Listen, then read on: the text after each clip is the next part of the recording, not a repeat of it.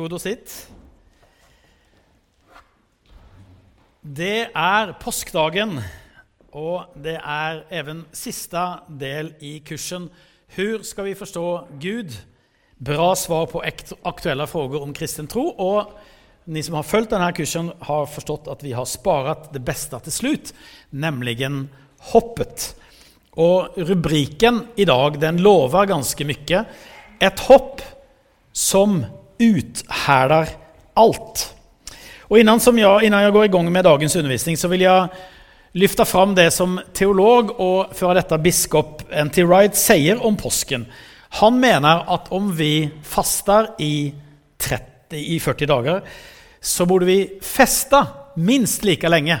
Det er jo 50 dager til pingst, så en 50 eh, fest borde innledes i dag. Bak med eh, hembakat på jobbet og sier, hva, hva, hva, hva, som har hendt? Nei, men jeg firer at Jesus lever, så jeg vil liksom bare dele med alle. Eller gjør noen fest, liksom. Gjør noe ekstra ut av det her, for det er virkelig den aller største høgtiden for oss kristne, og vi burde bli bedre på å fire oppståndelsen. Men ut til dagens tema, som da er hopp. Ingen kan leve uten hopp. Men frågan jag ställer i början är hur står det egentligen till med hoppet i Sverige? Det kom en ny eh, undersökning som heter Ungdomsbarometern för bara två måneder sedan eh, där man har frågat 16 000 ungdomar mellom 15 och 24 år. Og de ser ganske mörkt på samtiden och framtiden. Samhället är på väg åt fel håll och färre ser faktisk på muligheten at påvirke sitt eget liv. Man tenker ja, men det er ingen stor mulighet å påvirke mitt eget liv. Framtiden er ganske mørk. Nesten annen ung person, 45% ser samhellets framtid som mørk. Og 53% tror at deres generasjon kommer til å få det semre enn tidligere generasjoner. Trots dette så ser fortfarande tre av fyra ljus på sin egen framtid at, at liksom ok, kanskje jeg da kan skape noe bra ändå, eh, även om den siffran også går ned. Men samtidig så opplever for første gangen en majoritet, faktisk 55% av unge, at samholdet er på vei åt feil hold, og færre anser at de har muligheten å påvirke sitt liv. Det her å kjenne hoppfullhet innenfor framtiden generelt, det har återhentet seg noe eh, siden pandemien. Men over tid så er trenden nedåtgående. Mange prosent her nu, men i dag er 29 procent oroade for framtiden jevnført med 21 procent 2015. Og endast varannan ung sier seg nå være hoppfull innenfor framtiden, hvilket er en minskning med 10 procent under samme period. Og det her er noe som, eh, som jeg tykker kanskje vi som er litt eldre behøver tenke på i møte med våre barn og ungdommer. At de kanskje lever i et annet tenk enn det vi kanskje gjorde når vi vokste opp og tenkte ja, men framtiden den blir ljus, den blir jättebra. Men de har eh, faktisk fått mange greier som har hendt omkring seg, som gjør at hoppet er svagere. Artisten Miss Li uh, tycker jag är ett exempel på det her i sin sång 'Hälsa Gud', der hun sjunger at hun møter Jesus på krogen, og hun sier følgende til honom kan du hälsa Gud att jag behöver lite framtidstro, någonting som ger mitt arma hjärta lite lugn och ro. Sorry om jag stör, men världen är ju helt pipkörd. Jag bjussar på en öl om du kan hälsa Gud att vi behöver bara lite hopp. Lite mindre krig och svält och fattigdom och hat och sånt. Varför är man här om livet är en enda misär? Ja, kan du hälsa Gud det här? Dette er altså Sverige just nu. Men även många undersökningar på bägge sidor av Atlanten visar på minskad framtidstro just nu när vi lever. Och summan av kardemumman är att väldigt många människor över hela världen har förlorat hoppet. Och idag ska vi undersöka hur den kristna tron kan ge oss ett framtidshopp som inte påverkas av allt som händer omkring oss. Och det är en fråga som jag kommer ta med i den här predikan. Det är också om det påvirker meg som kristen like mye som andre, hva er det da jeg egentlig tror på? Ehm, jeg vet ikke om du har tenkt over det, men det viser seg at hva vi tror om framtiden, helt og holdent bestemmer hvor vi opplever nuet. Og I boken som vi utgår fra i denne kursen, som vi har fulgt, så tar Tim Keller et eksempel på dette. Han skriver forestiller deg at du eh, treffer to kvinner i samme alder, med samme sosioøkonomiske status, samme utbildningsnivå og til og med samme sinnelag. Du ansteller både to og sier til dem hver og en du skal sitte ved det her løpende bandet, og jeg vil at du skal feste komponent A på komponent B och sedan lämna över det som du har monterat till någon annan. Jag vill att du ska göra det om igen och om igen åtta timmar om dagen. Du placerar dem i samma rum med samma belysning, temperatur og ventilasjon. Du gir dem samme antall raster hver dag, foruten en skillnad. Du sier til den første kvinnen at du i slutten av året kommer å betale henne 300 000 kroner, Medan du sier til den andre kvinnen at du i slutten av året kommer å betale henne 300 millioner kroner. Efter några veckor kommer den første kvinnen att säga Är det inte här jättetråkigt? Blir du inte tokigt av det? Funderar du aldrig på att sluta? Den andre kvinnen kommer då att svara Nej, det her er helt ok. Faktum er at jeg visler medan jeg jobber. Og hva er det som hender i det här bilden? Alle bilder er haltende, men vi har to mennesker som opplever exakt samme omstendigheter på helt olika sett. Var består skillnaden? Den består i deres forventning om framtiden. Så de kopplar framtiden med nuet. Så er så klart ikke det sagt att det er bra innkomst som er greien. det er bare en bild. Men det viser at vi er varelser som helt og hållet bygger våre liv på hoppet. Så om du kjenner at du kanskje må bra, så er det også for at det fins noe hopp i ditt liv om framtiden. Og vi skal med å stille, stille, eller vi har börjat, men vi skal fortsette med å stille to frågor. Hvor er vi på vei, er den første frågan. Hvor er vi som gemenskap, samhälle på väg? Problemet er at hoppet i vår del av verden tidligere var forknippet med at Gud hadde et syfte med tilværen, et slutgiltig mål og en dommedag også, da rettvisa og et gudomligt fredsrike skal opprettes. Så tenkte de fleste. Og det gjorde våre liv meningsfulle, men sen så har den synen blitt eh, ersatt med troen på menneskelig framgang. Materiellt, men også når det kommer til fornuft og frihet og menneskelige rettigheter. Men så har det hendt noen ting. Dagens unge amerikaner er den første generasjonen som kommer få det sämre enn sine foreldre. Og det samme er trolig sant om svenske ungdommer, som vi leste i ungdomsbarometern. Det börjar sjunka in någonting nu i vår värld. Att den här enorma tillväxten av konsumtion, den är inte hållbar. Sen har du hotet om pandemier, klimatforandringer, cyber og terroristattacker, världsomfattande ekonomiska sammanbrott og på toppen av det krig i Europa som pågår just nu. Det gjør at denne sekulære optimismen som folk liksom har anammat om framsteg og utvikling, den er dømt til å mislykkes. Og jeg stiller frågan igjen hvor mange av oss er det som har bytt ut Guds berättelse med just denne berettelsen om stendig framgang? Er det der vi egentlig har vårt hopp? Og har vi det som kristne, ja, men så er vi jo like utsatte for å bli fylt av fryktan, fruktan og bekymmer og redsler som andre. Problemet er nemlig at omedelbar tillfredsställelse har vært själva poängen med det her settet å tenke om framtiden. Jeg vil njuta nu, jeg vil resa nu, jeg vil shoppa nu, jeg vil kjenne nu og jeg skal vel ikke sämre enn andre. Och det igjen, det försvagar vår förmåga att eh, att, som människor att uh, möta lidande och uthärda svårigheter.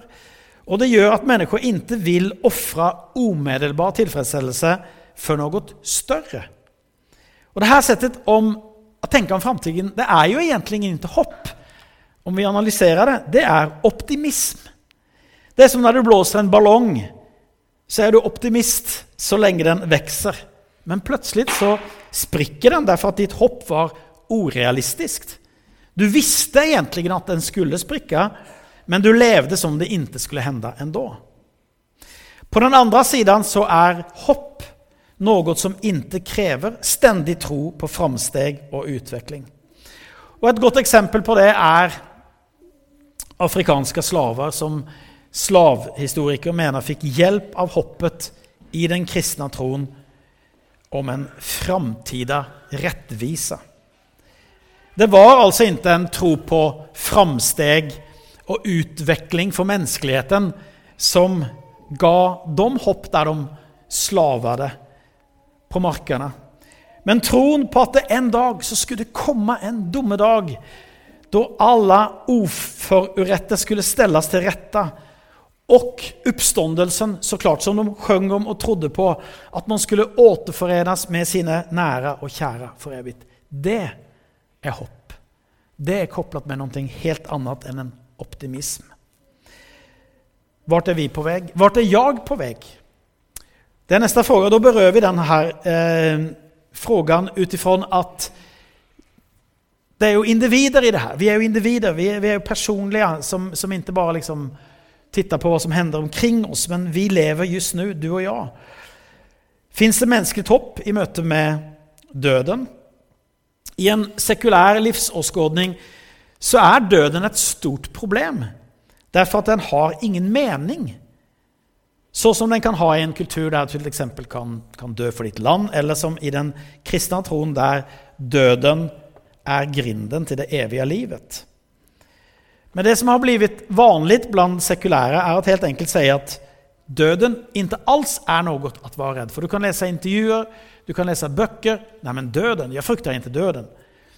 Ehm, den britiske forfatteren Julian Barnes skriver i sin selvbiografi Inget å være redd för, och der han skifta på døden, at døden er helt naturlig og ingenting at være redd for, hevder han. Og det her synsettet forekommer i utallige barnebøker.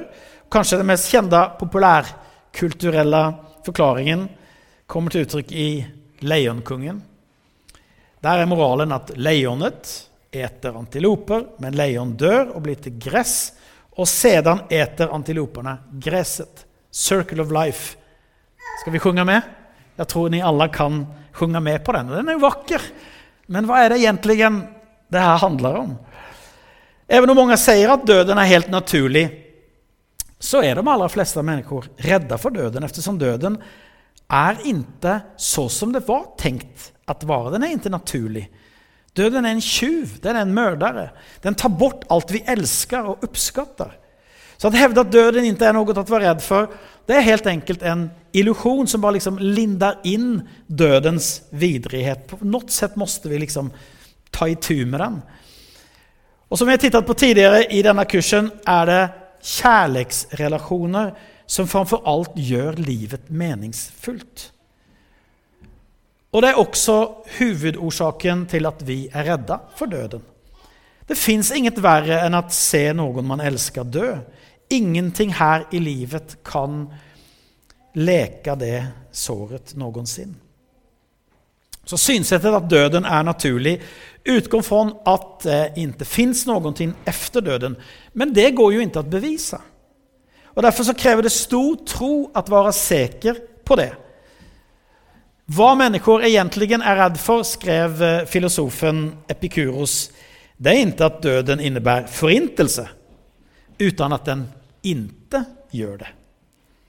Den er den gnagende usikkerheten om hva som fins bortom døden, som ikke kan annet enn at oroa oss. Og den franske forfatteren Rosé innstemmer når han skriver Den som låtsas går døden til møtes utan redsle, er en løgnere. Om man skal si det litt mildere, så er det vel lite som meningen med livet. Eftersom det inte finns någon helhetlig med mening med livet i en sekulär livsåskådning, vad behöver man göra då? Hur ska man tackla det? Man behöver tänka mindre på det. Eh, och liksom bara leva för det som är här och nu och låtsas som det där, det får vi bara skjuta upp. Liksom. Det, det, det, finns inte, låtsas vi som.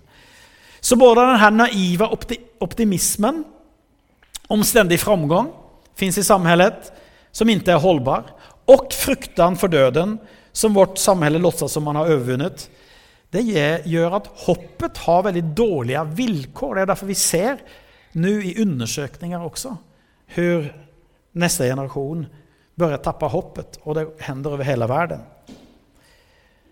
Hur ser da det kristne hoppet ut?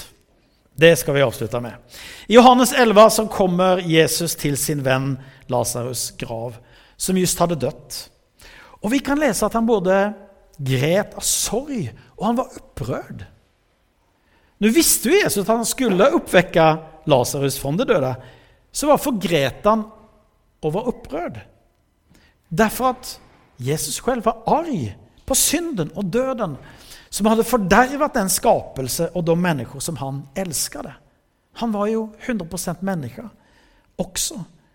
Så det var en naturlig reaktion. Nei, men det her er ikke så det skal vara.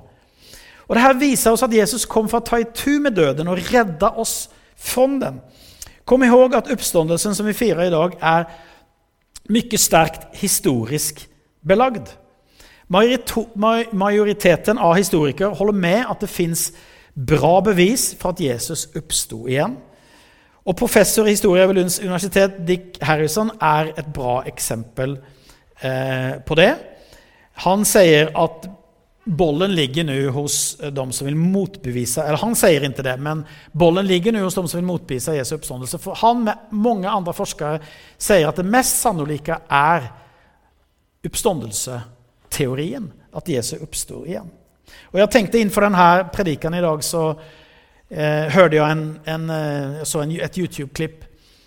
Eh, varför var graven, alltså varför var stenen bortrullad? Jesus kunde bara gå i, igenom stenen. Han gikk jo gjennom stengte dörrar.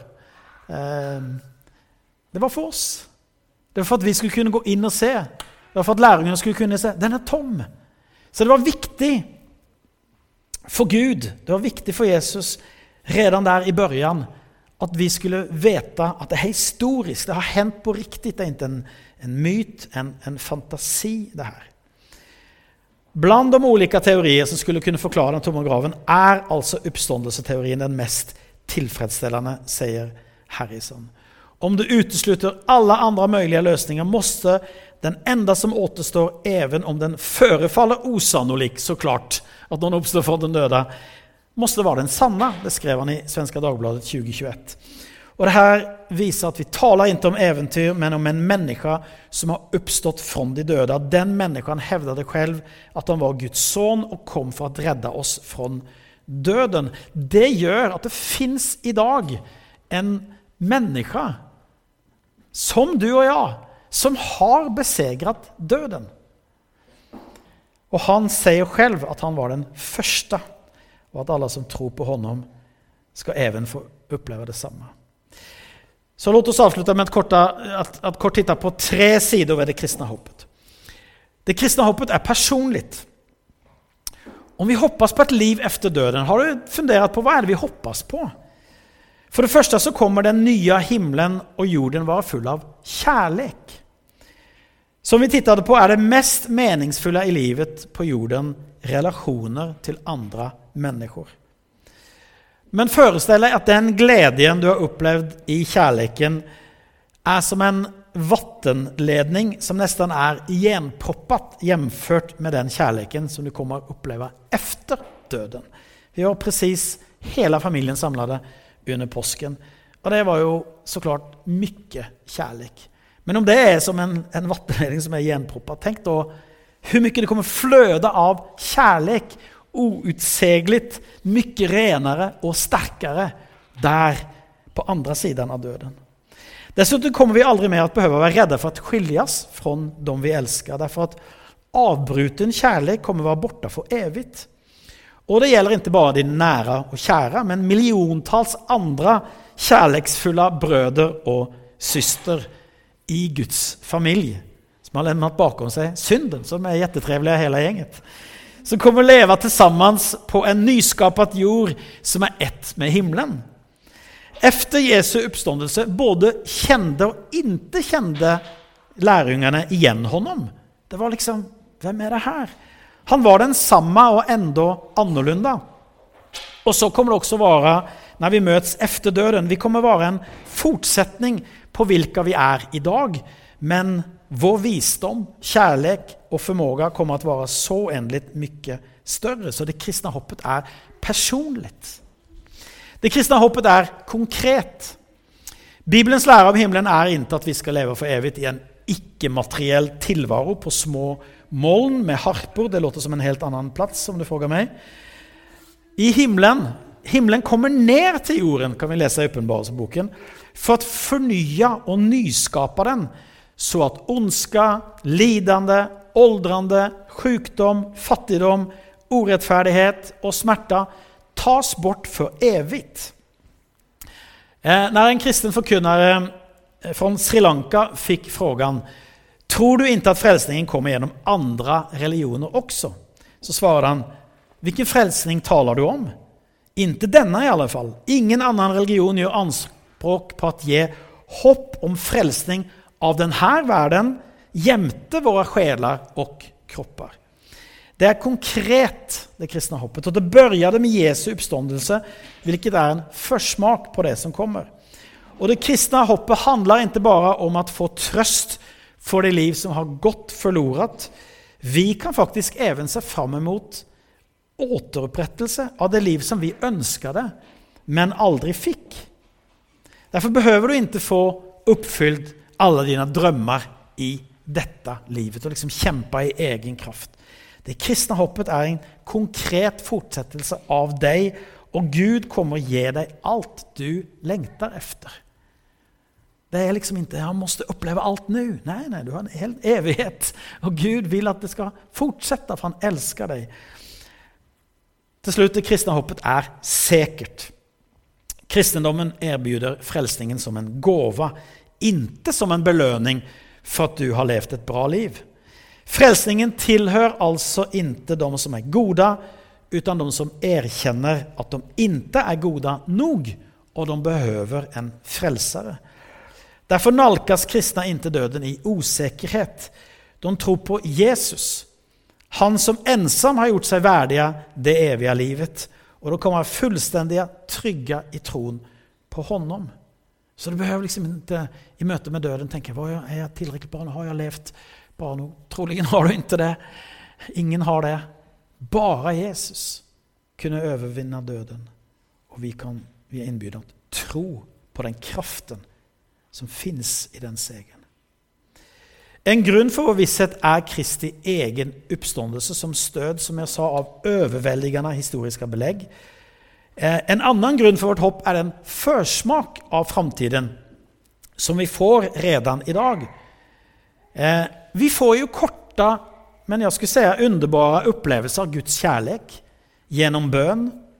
Romerbrevet 5 sier, Og hoppet sviker oss inte, til Guds kjærlighet har inngjutits i våre hjerter gjennom at han har gitt oss den helige Ande. Det var det her som fick eh, Dietrich Bonhoeffer, martyren, at i ventan på sin avretning for at ha konspirerat mot Hitler kalla en kristens død for den største festen på vei til frihet.